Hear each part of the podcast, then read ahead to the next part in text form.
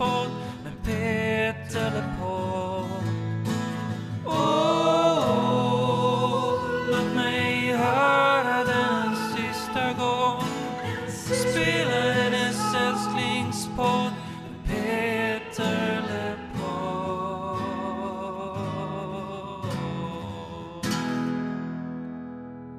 Välkommen hem.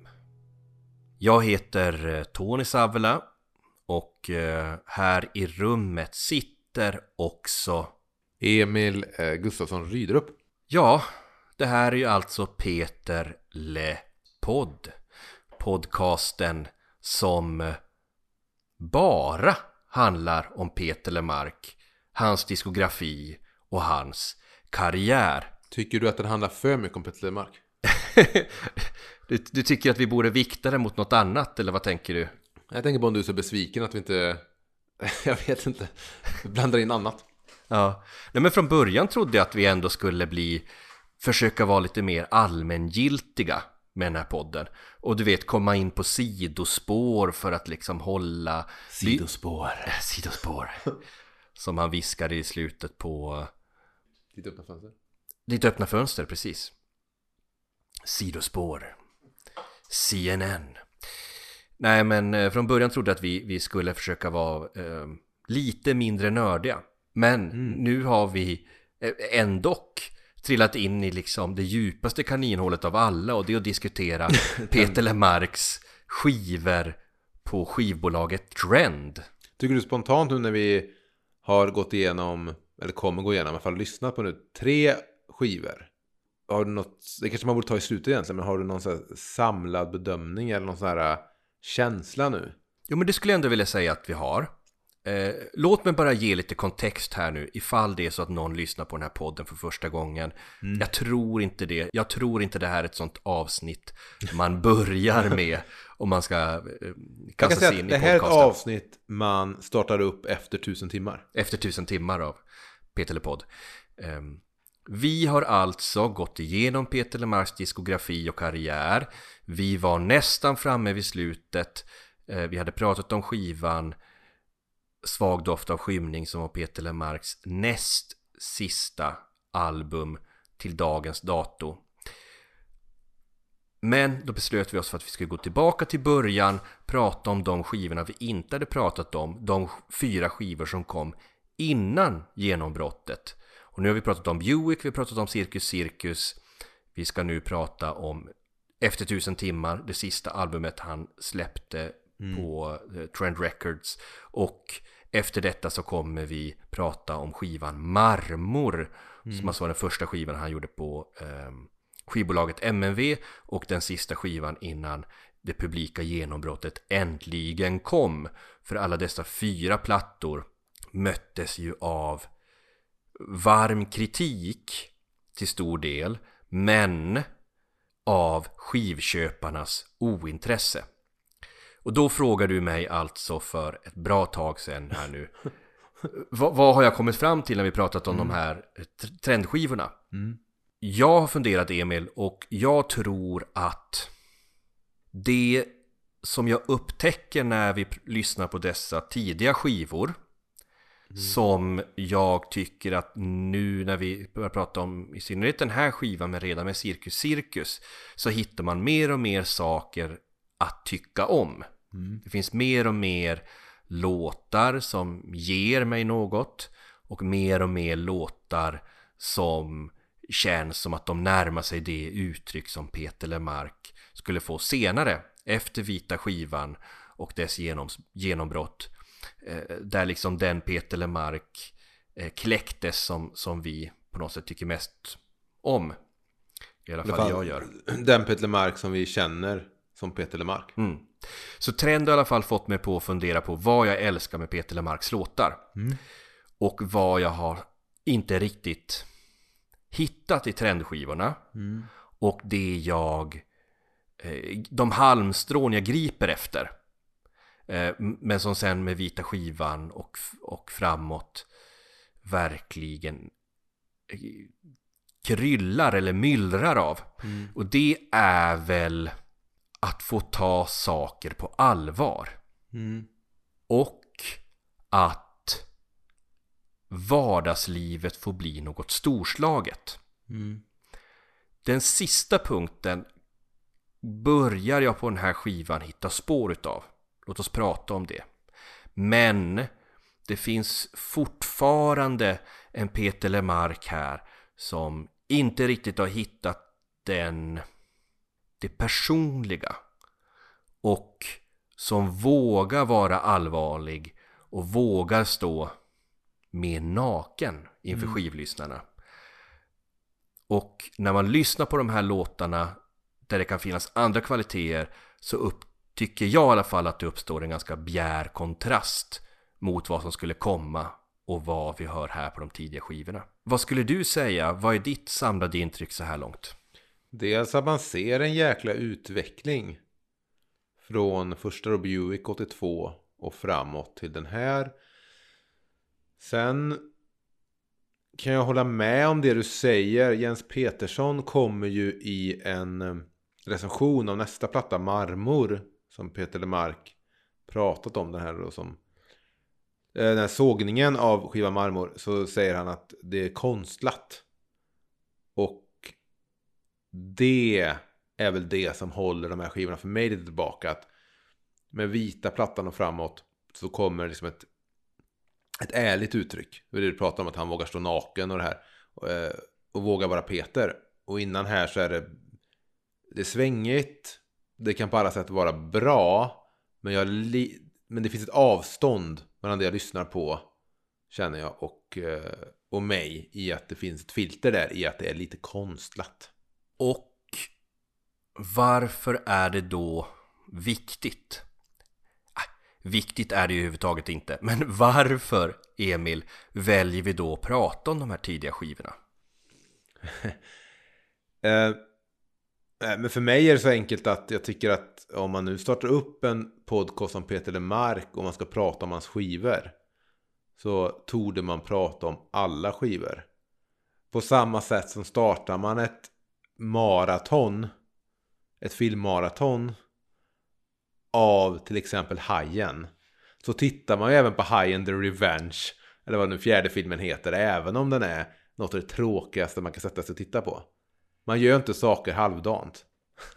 Jag blev så förvånad för jag trodde du skulle komma med en sportmetafor här nu. Att så här, om, om man börjar springa ett maraton så måste man, du vet, Ja, man man måste maraton. även springa den första milen, man kan bara inte hoppa över den. Nej, nej. Men, eh, men du menade ett filmmaraton? Då får man, då, när man bänkar sig för ett filmmaraton så ser man allt i den filmserien man bestämt för. Och samma lite här och därför sitter vi nu då här med Efter tusen timmar. Det som gör det här lite till en milstolpe är ju ändå att Tony Thorén, denna käpphäst till Peter Lemark i hans karriär, kommer in här och det är första plattan då med Peter som han producerar. Eh, Peter säger i sin bok att Tony Thorén kommer fram till Peter efter ett gig på Circus Circus slash Circus Cirkus turnén. Och säger fan du borde ha en riktig producent. Och så, ja nu blir det lite Peter Lemark dialekt där på Tony Thorén. Det är bara ursäkt för, han är från Norrköping. Men så de eh, bodar i Gröndal och börjar hänga lite. Och så blir det så att Tony Thorén tas in då. Eh, när vi pratade med Hasse och Anders från Trend i förra avsnittet. Eller förra, förra avsnittet. Eh, då pratade de ju om också att de fick, han fick större resurser här. Så Polar som hade pengar och då Trend trodde ju fortfarande här att en dag kommer Peter sälja mer än tusen skivor. Och vi tror ändå att det kan vara den här. Så vi, ändå, vi ger en, lite större budget till den här skivan. Och, men vill, vill man höra lite Peter prata om inspelningen av den här plattan så kan man lyssna på Thomas Andersson Vis podd Hundåren. Det första avsnittet Peter är med, då pratar han ju om när de sitter i Polarstudion och väntar på att Björn och Benny ska vara färdiga med sina demoinspelningar eh, till den här musikalen Chess. För då ska de få gå in och spela, men de får absolut inte eh, på något sätt störa Björn och Benny, eller Björn och Benny får inte ens veta att de är där. Eh, men när Björn och Benny väl lämnar studion, hur sent det än är, så får de komma in och spela in då. Och det är då Peter pratar om det här att han inte förstår varför eh, alla, går, alla han spelar med där går på toaletten så ofta och är så stirriga som de är. Eh, för att de då, eh, som han uttrycker det, använder peruanskt mars marschpulver. Medan han lever bara på adrenalin. Och möjligtvis också kaffe då. Men det som Peter själv har sagt om den här skivan. Eh, jag tror det är i Hundåren-podden där han pratar om att han här har hittat sitt idiom. Och han skriver i sin bok att då han är, han är försiktigt positiv till Efter tusen timmar. För han säger Där finns för första gången en del bra låtar. Som Dotter till en dragspelskung och Han vet ingenting. Det var där någonstans jag så lätt började skippa att vara så cool och så lattjo lajban. Jag började skriva låtar för mig själv och inte för att leva upp till de förväntningar jag trodde att kritiker hade på mig. Och Tony lärde mig mycket om det. Att vara mig själv i låtarna. Men också om hur det gick till att jobba i studio. Han kunde vara rätt hård. Det var väldigt utvecklande för mig. Kan du själv höra en skillnad i hur det här låter nu när Tony Thorén har kommit in? Alltså inte kvalitetsmässigt, mer i sådana fall bara eh, på något sätt så här produktionsestetiskt. Alltså att ja, det låter mer som människor som står och spelar instrument i en studio. Mm. Det låter lite mer som att jag befinner mig där nästan som en repstudio. Jag kan se alltså, folk verkligen spelar instrument, vilket man inte på något sätt kan höra på Buick. Som ju är så syntig som den är. Uh, men, och sen är det, alltså jag tycker skivan, till skillnad från tidigare, är mer behaglig att lyssna på. Jag får inte lika ont i öronen. Jag tycker inte, Peter är inte lika ettrig. Det är också min reflektion. Och det är svårt att spekulera i om det kommer från Peters egna utveckling eller om det är Tony där som har lyckats lugna Peter. Mm. Men jag vill ändå tro att Tony har lett till att Peter här har fått ett mer homogent sound på skivan. Mm. Och det finns inte i samma grad, det är väl det du menar här med att, att den inte är lika ettrig. Det finns inte i samma grad så många spasmer och spralliga infall. Nej, om man slipper de här mentalsjukhusskriken som dök upp på de tidigare skivorna i, i bakgrunden till sånt Ja, inga verser som plötsligt bryts av med Pacman äter upp mig, Pacman äter upp mig. inte sagt att det, inte, att det är helt borta här. Det finns fortfarande verser här som jag tycker hemfaller lite för mycket åt ordakrobatik och Mm. något galet infall. Men, men Peter känns mer tyglad här. Ja, det är lättare att ta, ta, ta sig till texterna. Mm. Jag behöver, inte, jag behöver inte sitta och försöka alltså nästan koda av texterna med någon avkodningsmaskin för att liksom Mm. förstå. Utan det känns som att den, han skriver rakt och till mig på ett annat sätt. I skivans bästa stunder. I Ja. skenet. Mm. Ska vi göra som så att vi går igenom eh, skivans låtar och det som är eh, ständigt problemet med när vi pratar om de här tidiga skivorna är ju att alla låtar inte är så lätta att få tag i. Men det är ju tur med den här skivan. Att ändå i princip den här äh, en popklassiker skivan som vi nu då i tre avsnitt har nämnt. Som är en samlingsskiva som finns på Spotify och finns att köpa på CD. Som är en, en kompilation med låtar från de tre plattorna som Peter släppte på Trend Records. Så halva den skivan är från den här plattan. Vilket troligtvis beror på då, då det som Hasse sa när vi snackade med dem då. Med en intervjun. Äh, att Peter faktiskt när han fick veta att den här skivan, den här samlingen, en popklassiker skulle, släppas.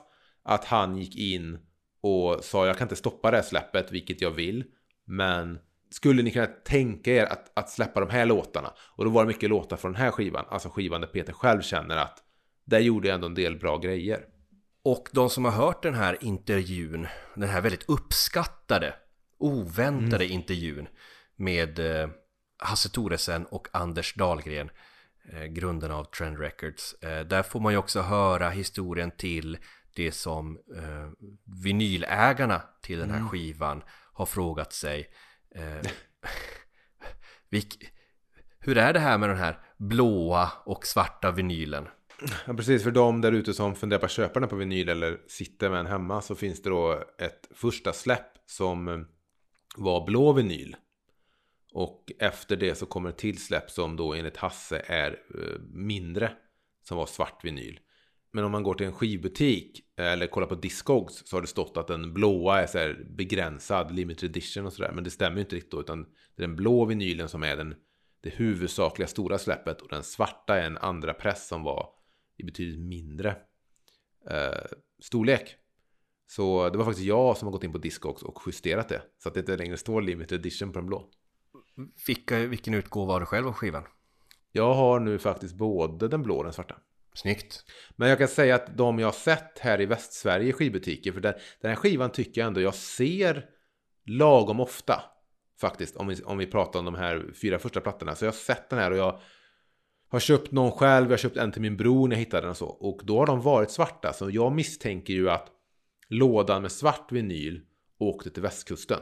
Så är man i, i Stockholm och tittar i de, de skivbutikerna så är det nog större chans att man hittar den blå. Är min teori. För jag köpte ju min blå vinyl av den här på Pet Sounds i Stockholm. Ja, precis. Och det, det är så jag, jag misstänker att det är så. Men det, vad vet jag egentligen? Men ska vi, ska vi säga också bara att, eh, för att det är någon sorts formalia, att första singeln från den här skivan var Dotter till en dragspelskung med B-sidan Han vet ingenting. Två alltså spår från skivan. Och singel två sen var Sandra säger med B-sidan från en husvagn i Bohuslän. Och den här skivan är alltså utgiven 1984. Mm, I september, så det går inte ens ett år efter Cirkus Cirkus slash Circus Circus som den här skivan kommer. Han släpper alltså skivor lika snabbt som han släppte skräckfilmsuppföljare på 80-talet. Men, och skulle Peter själv säga, med ungefär samma kvalitet som skräckfilmsuppföljare på 80-talet. Eh, ja men om vi börjar gå igenom låtarna så hade du en lite kontroversiell idé om hur vi ska gå igenom ordningen av dessa låtar. Nej, men det är så enkelt att på innerpåsen till den här skivan som har en väldigt, väldigt stämningsfull bild eh, på en husvagnscamping. Och även texterna till låtarna. Och där står då låtarna listade på ett annat sätt än, de, eh, än spelordningen. Eh, och det står en rubrik också där det står händelseförlopp kolon.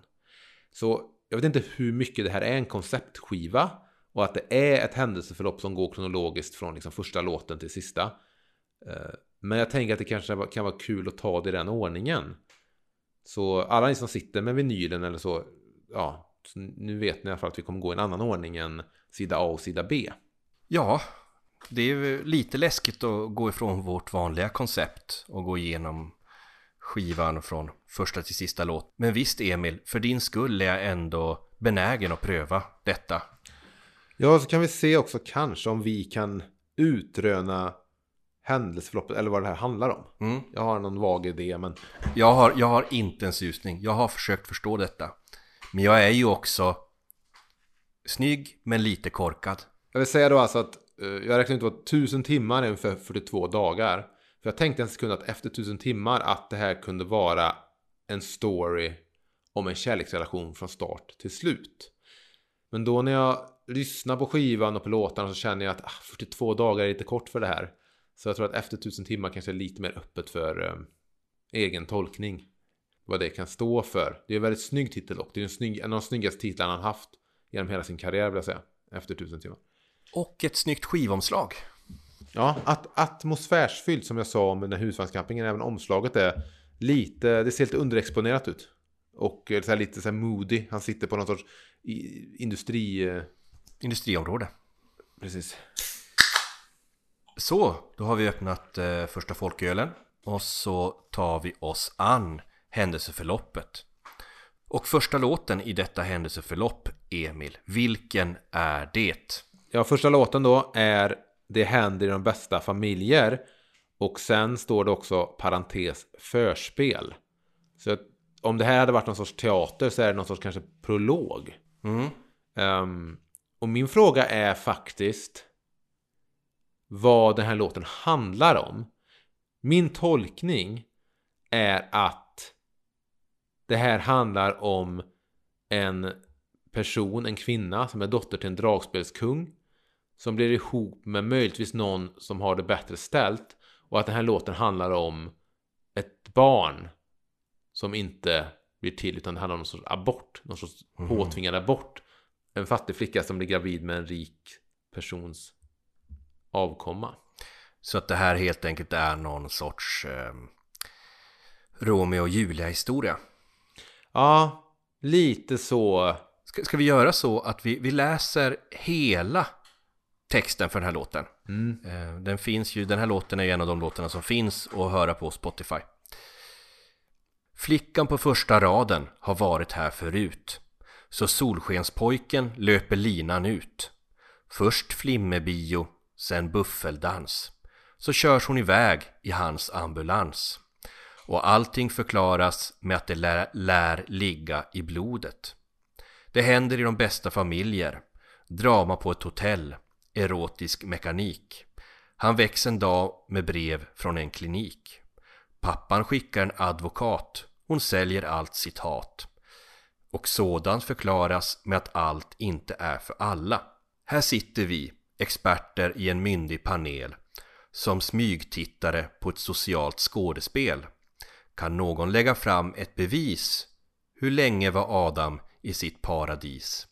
Ja, fisken har fritt att välja, fly kroken eller svälja. Det är intressant här att eh, han plockar ju bort refrängen i texten Mm. här. Mm. För refrängen går ju, det händer i de bästa familjer. Upprepas ju gång på gång, ja. Mm. Det spontana jag känner att det handlar om att det skulle handla om abort eller nå- någonting påtvingat så kan vara helt fel. Men jag tror ändå detta är starten på en kärlekshistoria i alla fall. Det är väl någonting sånt. Jag har själv inte kunnat riktigt titta in i den här låten. Eh, det är en, ja, rätt okej refräng.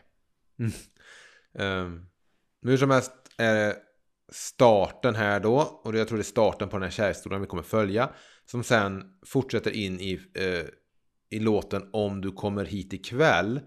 Som handlar om eh, den här tomteblossfasen eh, i kärleken. Alltså nyförälskelsen. Den här låten och Det händer i de bästa familjen ligger ju som eh, Det här är låt nummer tre på B-sidan och den föregående låten är ju låt nummer två på B-sidan och ligger i, ski, på skivans ordning de, lå- bland de låtarna där det kommer liksom ett, ett, ett en svacka i skivans Ja. kvalitet där jag zonar ut lite grann. Så att det här är väl en låt som jag inte riktigt har hittat in i. Och det är en av de ettrigare låtarna också. Ja, Det är lite en, att den lever kvar från typ eh, Cirkus Cirkus. I den här energin. mm. Men sen kommer en låt som jag har lyssnat mycket på på Spotify. Och det är Sen andas jag en stund med dig. som är skivans öppningslåt. Eh, precis, den öppnar den eh, samlingen. Och jag ser det här som en protoversion av Här kommer din älskling. För jag tolkar det här som en Jag är ute på turné och jag längtar efter att få komma hem till dig-låt. Okej. Jag kastades på tåget och hjulen satte spinn.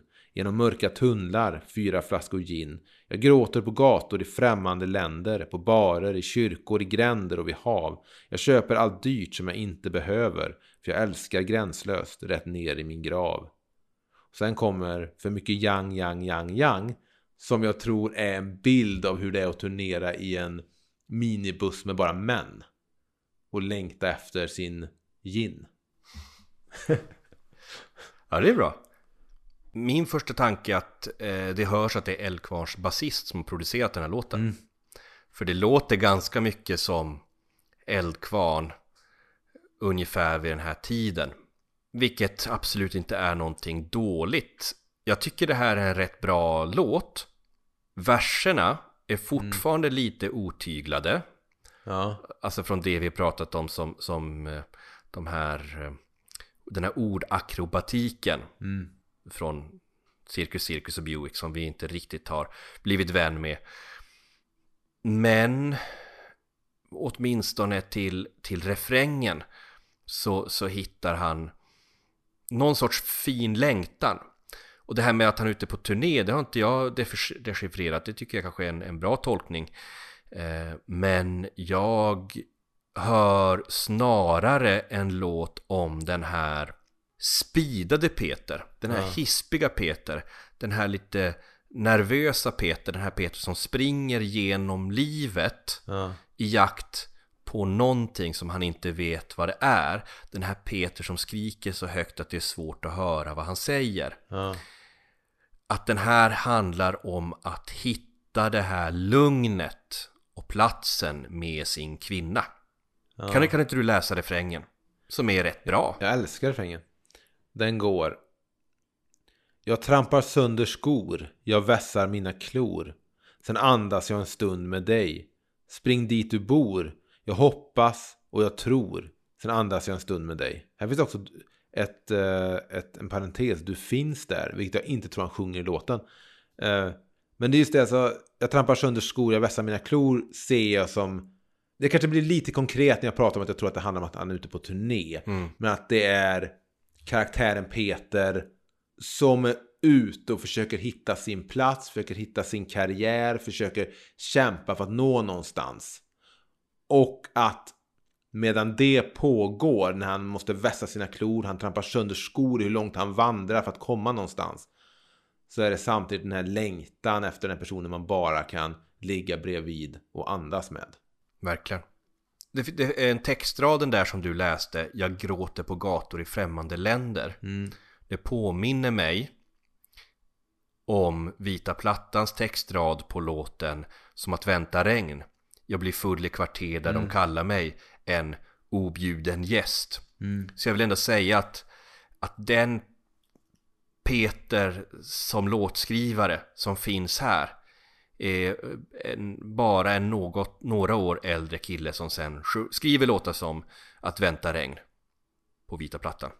Ja, men det skiljer ju bara eh, två år tills han ska skriva de låtarna. Eh, så det är ju på många sätt samma Peter, bara att han har kalibrerat om lite Mm. sitt konstnärskap. Eh, en riktig popdänga följer här nu. Och det är Sandra säger som då är andra singeln. Den finns också på Spotify. Det här tycker jag är en väldigt, väldigt enkel poplåt. Och med det vill jag inte säga att den är dålig. Men det är en väldigt enkel poplåt. Det är ju öppningen på B-sidan detta. Sandra säger Jag vill dra en lans för den här låten och säga att eh, det är en enkel poplåt, det har du rätt i. Ja. Och jag skulle vilja säga att den här låten inte borde funka. Det är ju också en låt som inte påminner om något annat Peter Lemark skulle spela in senare. Han har liksom inte återvänt till den här sortens 80-talspop. Ja, också det är väldigt mycket, vad ska man säga, sån här ungdoms... ja, Det är väldigt mycket... eh, She loves you. Yeah, Ja. yeah, yeah. nej men, det- nej men så är det ju. Och det är, det är Ja, men det är väldigt såhär, I wanna hold your hand. mm, det är inte den sortens sång vi hyllat liksom i avsnitt som Det finns inget bättre eller det som håller oss vid liv. Nej. Det är inte en sån här eh, långsam introspektiv syn på ett, ett långt förhållande och eh, kärleken mellan man och kvinna sedd genom pensionärslivets glasögon.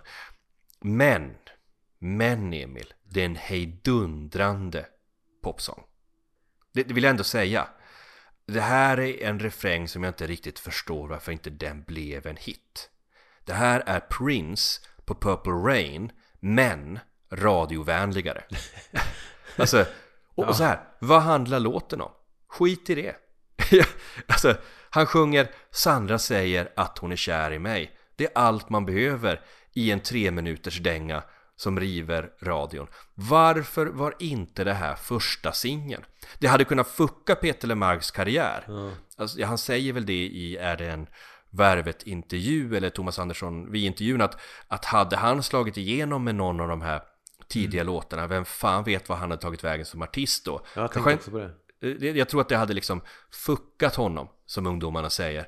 Att, att slå igenom med någon av de här låtarna och sen försöka återupprepa den hade- succén. Då hade nog bara mött en vägg sen. Ja. Där det bara tar slut. Sen- släpper han liksom Håll om mig och vä- vägen och alla bara Vad är det här? Gör en till Sandra säger Men I ett parallellt universum Om det här hade varit första singeln Jag lovar Det här hade Det här hade varit Den här hade de spelat efter Mauro Scoccos Sara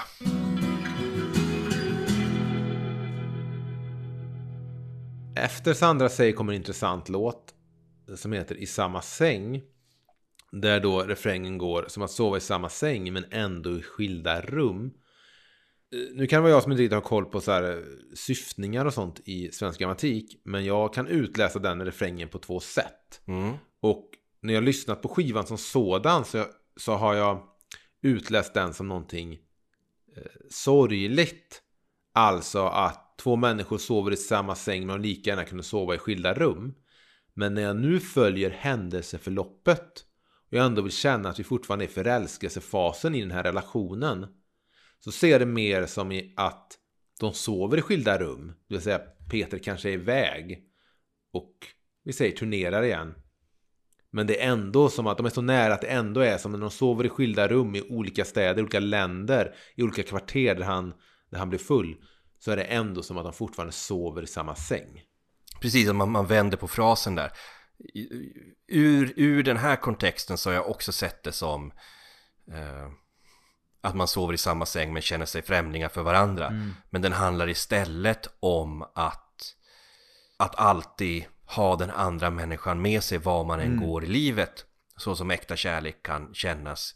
Det finns en text av John Prine i låten eh, Donald and Lydia där han sjunger något i stil med um, Most of the time they made love from 10 miles away. Ja.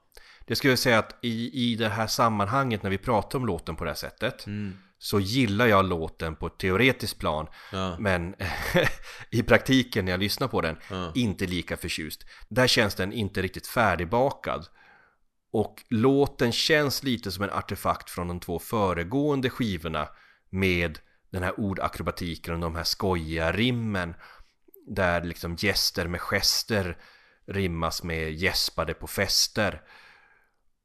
Låten har också en lite torrare melodi och lite så här galna infall där mot slutet av låten när han, när han sjunger slash skriker Jag håller din hand, jag vaknar upp och ser att jag håller i min egen hand. Ja. Ja, det, jag är inte jättekompis med den, det framförandet även om jag tycker att raden jag håller i din hand och vaknar upp och upptäcker att jag håller i min egen hand. Visst, det hade vi kunnat höra på en Morrissey-skiva. Nej, du har nog rätt i det du säger. Ehm, jag håller med om den ak- akrobatiken med texten. Men jag tycker också det börjar finnas det här äh, väldigt vackra beskrivandet av någon sorts vardaglig... Vi klär av kärleken och ser vad det verkligen är när han kommer senare i låten och sjunger Jag är ingen orm och du är inte Eva. Efter den upptäckten kan vi börja leva. Leva med löftet men också med rädslan att våga vara varm. Ja, det är fint, det är bra. Så jag tycker, alltså generellt sett och lite överallt i de här låtarna så tycker jag man, man ser den där Peter som vågar bejaka den vardagliga kärleken. Ja, alltså den Peter Lemark som vi har pratat om i många avsnitt och uppskattar. Han skulle växa fram från en låt som denna. Men i den fas han är just nu så är exempelvis Sandra säger som är motsatsen till den Peter som skulle existera senare en bättre låt. Blir det här förvirrande för våra lyssnare? Ja, jag tror de hänger Möjligtvis. med. Vi har ändå Sveriges smartaste Ja, jag såg också den undersökningen faktiskt. Intressant att ögna igenom den. Dotter till en dragspelskung. Här känner jag att vi får reda på lite mer om kvinnan i den här historien. Och det här är en låt då om att våga bli trygg i sig själv. Och var man än kommer ifrån och vad man än bär med sig och vad man än är uppbyggd av hur man än känner inombords. Att Eh, finna på något sätt kärleken till sig själv. Som han sjunger i refrängen här då. Hon tänker ta sin rätt att våga vad hon vill. Hon tänker inte längre bara sitta still. Hon tänker vägra att känna sig för dum. Trots att hon bara är en dotter till en dragspelskung. Och det är det som får mig också att tänka på att i den här första låten, Det händer i de bästa familjer, att det är hon som är den som är lägst i klass där. Mm. Om nu den låten, och det, den handlar inte om det jag tror såklart. För att det här är ju den intellektuella Peter som skriver låttexter som jag inte förstår. Men jag tycker det finns någonstans, sen tycker jag att det där med dragspelskung känns ju lite absurt. Eh, Det är Mm. inte som att eh, hon är dotter till, till Gunnar som jobbar på linan på Saab riktigt. Där är inte Peter riktigt än. Men eh, det handlar väl ändå om, om klass och känslan av att jag kommer från ingenstans, jag är ingen, jag... Det här med att, det, det, tycker det är fint. Som eh, finne så kan jag se arbetarklassskildringen i att vara dotter till en dragspelskung. En, en man som är stor på bygden, som betyder mycket för, för de andra finnarna, för det är han som spelar dragspelet på lördagsdansen. Jag hör inget dragspel i låten. Det gör jag tyvärr inte heller. Jag hör, hör en saxofon tror jag. Sen kommer ett, ett jävla gitarrsolo Ja. på slutet. Eh, Jag tror till och med att det står här att killen som lägger i gitarrsolot heter Matt Matthews. Matt Matthews. Den här låten eh, tycker jag är väldigt konstigt, jag vet inte varför. Men på popklassikersamlingen på Spotify så har Univ- Universal, gissar jag, Ja. plockat bort denna och från en, en eh, husvagn i Bohuslän. Så har de plockat bort den här från Jag tror det har samlingen. blivit, blivit en miss i kopplingen. Jag har faktiskt mejlat Universal om det här ska jag säga. För att få tag i någon och fråga vad det beror på. Men eh, de har lite problem att bry sig om att svara.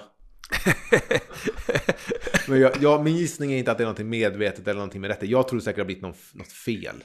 Och så är det, det här är inte en skiva de prioriterar. Eller att det inte är folk som liksom ringer deras växel. Du vet, vad fan, varför fan, det funkar inte en popklassiker på Spotify? Men Dotter till en dragspelskung är i alla fall en av de låtar som Peter själv har namedroppat att han tycker det är en bra låt. Och den är verkligen värd att lyssna på, om inte annat då för det här gitarrsolen som vi nämnt av Matt i slutet. I vår lite tillkrånglade kronologi här på skivan så går vi alltså på nu och pratar om albumets andra låt på A-sidan. Sommaren kommer sent i år. Och här skulle jag vilja säga att det är det händelseförloppet att vi är nu där sprickor uppstår i relationen. Att det är inte bara en dans på rosor. För här sjunger ju Peter att Varje natt så lutar jag mig över hennes sovande kropp. Bara för att kunna höra om hon fortfarande andas. Men hon är långt därifrån. I drömmar ska hon kyssa en annan. Innan morgonen randas. Och sen kommer då refrängen. Sommaren kommer sent i år. Den kommer för sent i år. Jag kan eh, läsa fortsättningen här. Jag har lyckats somna. Hon har alldeles just vaknat. Hon klär sig sakta och tyst. Hon öppnar dörren och går ut för att hämta det hon saknat. Hon blir besviken. Hon kommer bli sviken. Hon målar hela sin vision över mannen som var bättre än jag. Något som ingen man kan klara av att bära. Ja. Och här så har Peter Lemark gått från att på Buick sjunga svårtydliga textrader om ett hus i Hattenbach Som en dunderlåt. till, till att här göra en låt om att bli lämnad för någon annan Mm. och hur det är ett ok som är svårt att bära för vilken man eller kvinna som helst. Och vi alla har nog varit där, suttit bredvid någon där vi liksom ser att lysten i ögonen är borta. Man försöker, du vet, så här klamra sig fast vid någonting, hålla kvar någonting som man vet är på väg bort. Mm. Men hur man än gör så är det bara ett långsamt farväl. Jag skulle vilja säga att det här är en låt som Peter Lemark har all anledning att vara stolt över. Jag tycker ju att detta är skivans bästa låt. Och det som jag har saknat på de två tidigare skivorna Mm.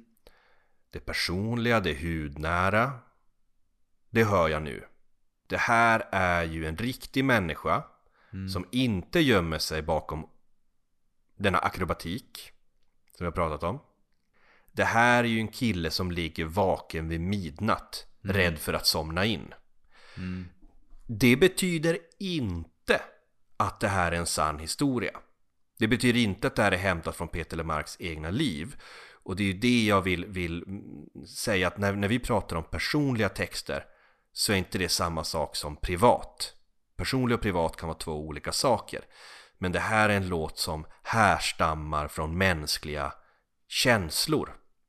Och även om det är personliga erfarenheter som har förvanskats eller återberättats från någon annans upplevelse så är det här någonting som, som kan beröra. Och jag är övertygad om att hade Peter Lemark Mm. några decennier senare med en akustisk gitarr eller en tramborgel Mm. på turnén 2007 Mm. satt sig i det här liksom önskesegmentet Mm. under konserterna och spelat den här låten så hade han kunnat få rummet att tappa andan. Och jag ser att den här låten har 32 000 lyssningar på Spotify just nu. Och är det någon ambition jag har med den här podden eller med det här, det här Mm. avsnittet så är det att sommaren kommer sent i år ska komma upp till åtminstone 32 010 lyssningar.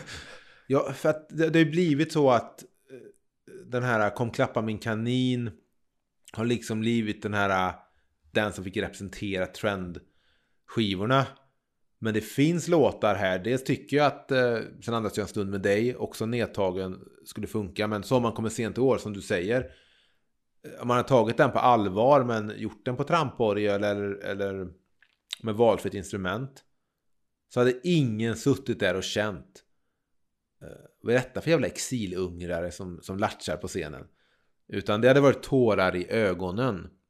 Vet du vem Ron Sexsmith är? Ja, det vet jag. Det är ju den här singer-songwritern som eh, var poppis för, jag vet inte, eh, 00-talet eller någonting. Var han med i bandet Sixpence Non the Richer?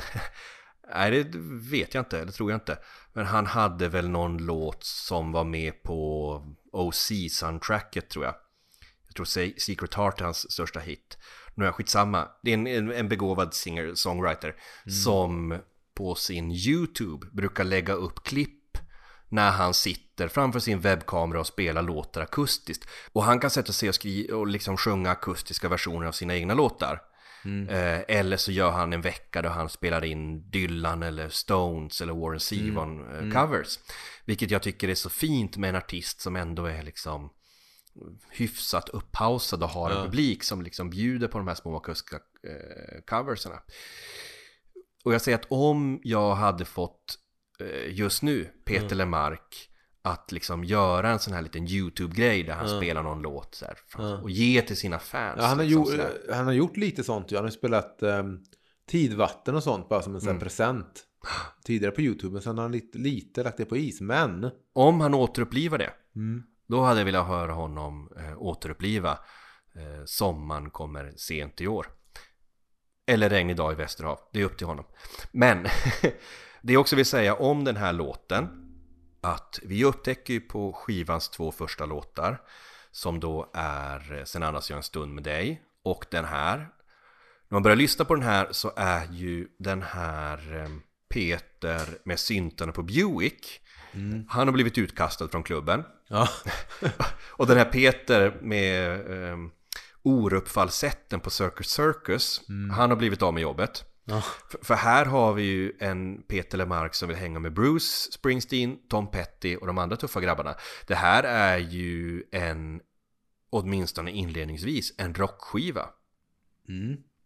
Och Men med, med, med en väldigt stark eh, popsensibilitet. absolut, Men det har ju även Tom Petty och så. Ja, jag skulle vilja eh, tro att eh, Tony Thorén har dragit honom lite mot, mot rocken.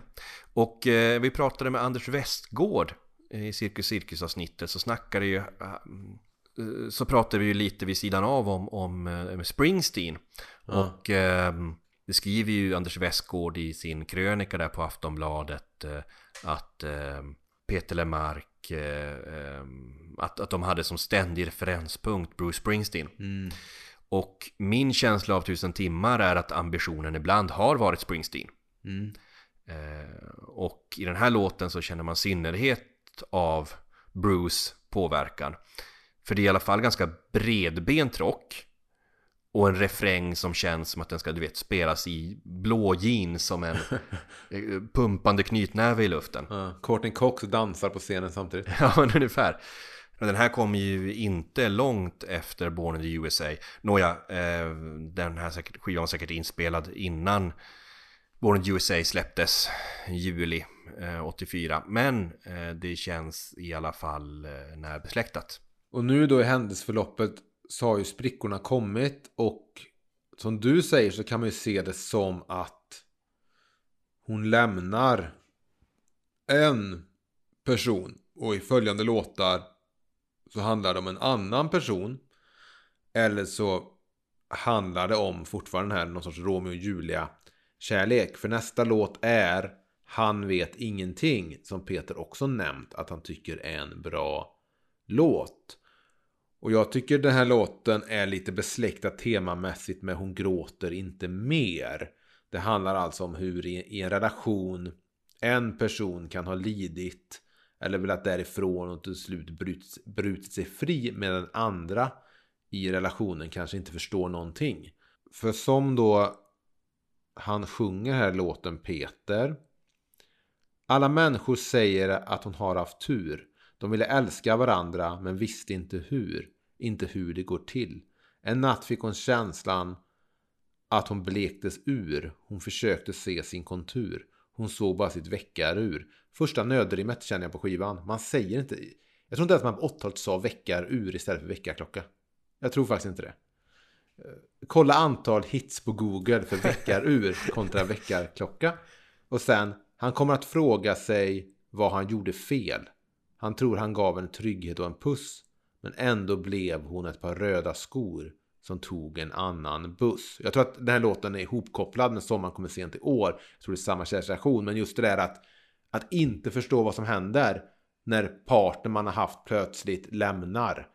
Men då är frågan, handlar den här låten om personen som hans dotter till en dragspelskung har lämnat honom för? Eller handlar den om huvudpersonen själv? Det är just det, jag tror att, att det handlar fortfarande bara om dragspelskungsdottern och den här personen. Att vi är i de här sista låtarna är vi i uppbrottet. Mm. För sen på sista låten vi kommer prata om så kommer det ju komma, sista raden av låten, vi kommer komma dit, så kommer det ju en ljus, eh, ett litet springavhopp. Mm. Men jag tycker det här är igen en, en väldigt snygg låt och det du säger liksom att det känns som att Peter sakta men säkert på den här plattan, man kan se honom ömsa skinn. Det finns lite rester kvar av ettrigheten. Men samtidigt nu med Sommaren kommer sent i år och framåt så börjar man se den här vita plattan Peter komma fram. Texterna är rakare, eh, mer på allvar skulle jag vilja säga. Och han når fram till mig med texterna. Med det sagt, jag gillar den här teoretiska diskussionen vi har. En sak som Anders och Hasse sa, Ja. trendkillarna, var ju att den här skivan kändes ojämn. Och Det skulle jag vilja säga att exempelvis den här låten, som är den avslutande låten på albumet egentligen, men inte i det här narrativet vi går igenom nu. Jag tycker inte det här är en av de starkare låtarna. Jag tycker det här är en av de låtarna som gör det här till en ojämn skiva. Jag tycker det är en jättefin låt. Men skulle du på fyllan be mig lista alla låtar på den här plattan. Så hade det här kunnat vara en av de låtarna jag glömmer bort. När du säger det här, skulle du på fyllan be mig och listan här, då tror jag att våra lyssnare tror att det här är liksom en skämtsam, ett skämtsamt exempel du tar på en situation då det hade varit konstigt att be dig, du vet, rabbla låtarna på efter tusen timmar. Men jag vet ju att nu efter de få gånger nu eh, under pandemin som vi har supit till, då är det de frågorna som kommer. När vi står på en busshållplats i fyllan och sjunger regnig dag på A-sidan närmare Västerhav. gränsen, A-sidan närmare gränsen. Kör Tony, kör! Ehm, det är livet som eh, en, ett Peter Mark-fan som försöker bli accepterad av Lemarxisterna. Kommer det ske innan podden når sitt slut? Jessica se. har fortfarande inte svarat på vår medlemsansökan. Du vet, man, man, man ser på Instagram att du vet så här, så här Sien står det. Hon har läst meddelandet men hon har inte svarat. Ja, de debatterar i sin bunker, de marxisterna. När revolutionen startar, kan vi lita på de här två grabbarna? Kan vi det? Du vet, eh, när Peter väl eh, ljuder i hornet. Efter Han vet ingenting kommer i händelseförloppet låten Mannen hon avskyr att älska. Som jag skulle vilja säga är någon sorts avslutning på vad det här slutar upp i. För sen skulle jag vilja hävda att sista låten är lite av en epilog nästan. Men här kommer det andra nödrimmet jag inte riktigt tycker om. För han sjunger. Hon ser honom i ögonen. Hon vet vem han är. Han är mannen hon avskyr att älska. Hon går ut på hans balkong. Hon vill falla mjukt. Eller segla bort i en ballong. Hade han sjungit där eller seglat bort som en ballong hade jag varit helt fine med den textraden. Men när hon sjunger då eller seglar bort i, i en ballong så ser jag framför mig hur mannen i den här historien kommer hem ser sin älskade stå sorgsen på balkongen och sen ser hur hon hoppar in i den varmluftsballong hon har bundit fast vid balkongräcket och bara sakta du vet, åh, du vet, lämnar, åker iväg bort mot horisonten. Han, han bara står där. Vad fan hände? Ja. Ja, hon åkte ju bort i en ballong. Luftballong, ja. Var fan fick hon tag på den? Eh, Men det här är väldigt mycket en låt eh, för mig om att sitta fast i en, en destruktiv relation. Man egentligen vill kunna lämna men man samtidigt inte kan lämna. Det är den tolkningen har jag också faktiskt gjort. Och jag tycker att de avslutande raderna i låten eh, poängterar det. Hon inser så. Det blir klart som snö. Aldrig ta adjö. Hon måste dö en annans död för mannen hon avskyr att älska. Och det, det finns eh, någon dubbeltydlighet där i slutet av den här låten som fick mig att tro handlar den om att hon hoppar från en balkong i slutet eller är det bara en metafor? För att det är det där att hon går ut på hans balkong, hon vill falla mjukt eller segla bort i en ballong. Ja, det kan ju vara ett uttryck för längtan Mm. bort. Men det kan också vara en kvinna som för att fly en destruktiv relation som enda alternativ måste hoppa från denna balkong fysiskt. Hon måste dö en annans död för mannen hon avskyr att älska. Och då kommer vi till sista låten i händelseförloppet. Och även sista låten, är A-sidan på skivan. Och det är klassikern, den så älskade från en husvagn i Bohuslän. Med på Buonasera i en rockig version. Här är den lugnare med Peter själv på akustisk gitarr. Och här ser jag att det handlar om mannen i historien. Efter relationen. Som åker iväg till den här husvagnen och super i sin ensamhet. Och står i valet och kvalet att kämpa för kvinnan han har förlorat.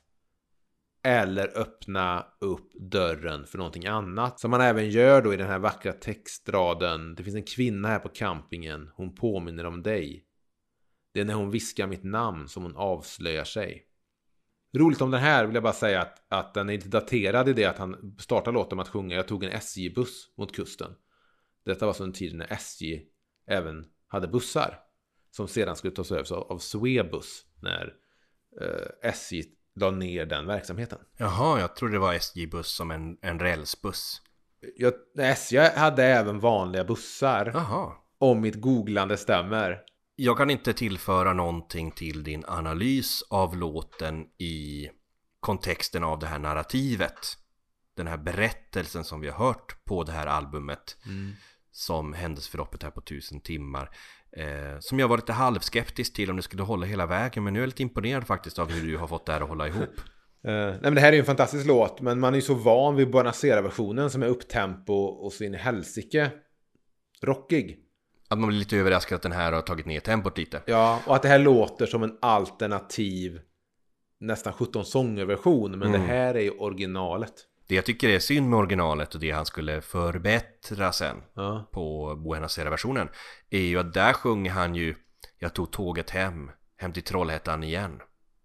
Det gör han ju inte här. Men han vågade inte stå för Trollhättan än. Nej. Han vågade inte det. För det hade jag också, säga att hade han sjungit här, tåget hem till Trollhättan igen så hade det blivit något väldigt specifikt som kanske hade tagit bort eh, berättelsen i den här låten.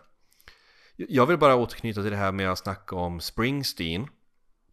Det här är ju en låt som får mig att tänka på Nebraska. Springsteens album från 82. Det här är ju den första helt akustiska låt Peter spelade in. Ja. Och det är ju skönt att inte ha honom gömd bakom syntar och, och vilda instrument. På de senare skivorna skulle ju rösten komma att ligga eh, längst fram eller längst upp i ljudbilden. Och även om den inte ligger lika långt fram här i mixen som så, så får den i alla fall höras mer markant. Man får liksom höra den här rösten från Peter Lemark. Eh, som, som påminner lite mer om det vi skulle bli eh, bekanta med sen senare. Men detta med Springsteen då, varför säger jag det? Jo, eh, det här påminner jag om de akustiska låtar som finns på Nebraska. Eh, Det är inte bisarrt att jag har Nebraska stående precis till höger om det när du pratar Ja, om. jag tycker du ska eh, sätta dig och lyssna på den när vi är färdiga här. Jämför den här låten då med de två låtarna som finns där på, på Nebraska här bredvid mig. Eh, Open All Night, Ja. som du kommer säga, den gjorde Eddie Vedder bra live. Eddie Vedder gör den fantastisk. Ja, eller Johnny 99, som också är ett exempel på låtar som rätt, mer eller mindre känns som Chuck Berry, fast framförd på akustisk gitarr. Eh, Det är de förlagor jag hör i alla fall. Och jag skulle ändå vilja dra den här Nebraska-liknelsen Ja. längre eh, och påstå att även skivans utformning, alltså sättet som texterna står på texthäftet. Det är annat typsnitt, det är en annan färg på bokstäverna. inte min bara, för jag tror att i min Nebraska står det på tyska eller franska. Ja, det har jag också på själva innercaset, men sen finns det ett blad med, eller Ja, in, okej. i, i gatefolden så finns texterna. Men eh, det är någonting med hur texterna står uppradade Mm. som påminner mig om, om designen på Nebraska. Och om du tittar på baksidan av vinylen, Ja. sättet som texterna här står med röd text på blå bakgrund, så är det må hända med annat typsnitt, men lite samma idé som texterna på baksidan av Nebraska står eh, uppradade utan låtnummer fast med då röd text på svart bakgrund. ja, och även den bilden på innerpåsen på den här husvagnscampingen. Den svartvita, mörka, väldigt suggestiva bilden. Är ju inte helt olik känslan i omslaget till eh, Nebraska. Nej, och eh, den sortens bandbild som vi ser på killarna i bandet som har varit med och spela på, på innepåsen påminner mig också om den sortens eh, gruppbild som eh, Bruce skulle ha på vissa innepåsar med E Street Band. Men om du då måste välja, Tony. Vilket album tycker du är bäst? Av Peter Lemarks skiva Efter tusen timmar? Eller New Jersey stolthet, Bruce Springsteens album Nebraska? Jag tror att jag svarar samma sak som jag misstänker att Peter Lemark själv hade sagt. Nebraska är bättre. Men om... eh, För det är intressant, för han säger ju i den Thomas Andersson vis där 100, jag tror är avsnitt 2, säger han just det typ att Ja men jag håller verkligen Nebraska väldigt, väldigt högt just med tanke på Eddie Vedders covers. Av många av låtarna på den, på den plattan. Konstigt, den biten har inte jag hört. Nej, men eh, Efter tusen timmar är eh, Peters dittills bästa album. Det är en ojämn skiva, men det är en bra skiva. Ja, och det är väl här jag blir nästan som mest ledsen att det inte lyfte. Eh, För det är även som Anders och Hasse pratade om då, grundarna av Trend i vår intervju med dem, att Eh, vi försökte med tre skivor och det gick inte. Så att efter den här skivan då så säger de adjö till Peter och Det som kan sägas är att i Peters bok står det att eh, de går i konkurs och sånt. Men eh, när vi pratade med dem så var det väldigt tydligt att de gick aldrig i konkurs utan de införlivades in i Polar och togs över av Polar då. Men det är tråkigt här med tredje skivan när man får Torn Thorén, så mycket liksom blir rätt. Man får, Peter får Torn Thorén, Peter får väl lite med pengar, Peter hittar ett uttryck som jag tycker i många låtar, kanske inte alla men i många går in i hjärtat. Och så eh, lyfter det inte här heller. Det, det, det, känns som tråkigast med det här albumet. Ja, det kan väl vara så att vid det här laget så finns alla yttre faktorer på plats som kommer vara framgångskonceptet Peter Lemark. Men hans personliga resa är inte ännu framme vid det laget att han kan ta det sista steget. Alltså han har börjat springa det här maratonet. Inte ett filmmaraton med gamla skräckfilmer. utan ett riktigt maraton. Men eh, konditionen är inte riktigt där ännu för att ta honom hela vägen i mål. Så är det väl. Sen finns det väl inte en så här, jag kan ändå höra singlar på tidigare plattor. Men här hör jag väl lite mer kanske ett album. Jag vet inte om jag hör en sån här. Sandra säger möjligtvis, den borde väl möjligtvis öppnat upp för att folk ville köpa den här skivan. Men tyvärr blev det inte så. Mm. Kan också varit så att folk kände till lite Peter Lemark vid den tiden. För de har läst recensioner tre år i rad. Och hans artiklar och sånt. Men de helt enkelt valde bort det i skivbutikerna för att fan. Jag vill inte ha med sjömän utan stjärnor i mitt liv. Att det kan vara så sånt. Alltså att, att det var inte att han var helt okänd nu. Utan att han helt enkelt valdes bort. För att, för att folk inte Mm. gillade soundet de hittills hade hört. Jag tror mycket vid det här laget handlar om slumpen och tillfälligheter. Och jag tror att det i slutändan är, det var det som vi sa tidigare, det var bra att det gick som det gick. Ja. Det var bra att det skulle komma fler motgångar så att han skulle kunna, du vet, vara redo att göra den vita plattan. Så att han inte stod, du vet, på någon så här Best of the 80s festival. Ja. Och bara hade Sandra säger. Ja men precis. Alltså det, det, det, det hela den här resan handlar om, som vi avslutar med marmor sen, är ju på något sätt att Peter var tvungen att hamna i ett tillfälle där det var When you ain't got nothing, you got nothing to lose. Och i det här läget så, så var han inte liksom riktigt nere för räkning. Men mycket handlar om slumpen och mycket handlar om tillfälligheter. Hade det varit så att det här framträdandet på måndagsbörsen, som alla trodde skulle breaka Peter, att det hade kommit efter den här skivan och att Peter då istället hade uppträtt med Sandra Säger och Och eh, Highway Patrolman startade han med från Nebraska. E- Eller Sommaren kommer sent i år. Hade han uppträtt med de låtarna så tror jag att publiken hade sett en annan artist som de hade kunnat ta till sina hjärtan. Plötsligt så hade Efter tusen timmar blivit en kommersiell framgång eller åtminstone inte ett nederlag. Eh, då hade det varit en annan artist vi hade sett. Men nu blev det som det blev eh, och det är väldigt intressant att se tillbaka och analysera på vad var det som inte funkade här. Och det som nu står mellan oss och att vi ska vara tillbaka i vårt första avsnitt om den vita plattan är ju då eh, mästerverket Marmor. Som vi väl kommer prata om i nästa avsnitt då. Ah, Ja, det- där tror jag att vi kommer vara mer oense än vi varit på mycket länge. Men nåja, eh, tack alla som har lyssnat den här veckan. Vi hörs snart igen. Om man vill komma i kontakt med oss så gör man det på sociala medier. Petelepodd heter vi på Facebook, Instagram, Twitter och eh, man kan mejla oss på petelepodd.gmail.com Kontakta oss gärna för att säga vad ni tycker om vad det nu kan vara som har att göra med den här podden. Det är ju en potpurri av eh, ämnen i det folk mejlar om. Vilket är kul. En poddpuri. En potpurri av ämnen. Vem har gjort vårt intro och outro, Emil? Det är en person som heter Kristoffer Hedberg och är med i ett band som heter Easy October. Som man kan lyssna på på Spotify innan eller efter man sätter på plattan en popklassiker. Och lyssnar på de spår från Efter tusen timmar som man missat hittills. Ta en shot varje gång vi nämner Kristoffer Hedberg, Regnig dag i Västerhav och från och med nu Sandra säger Allt är bra nu. Gitarr, solo.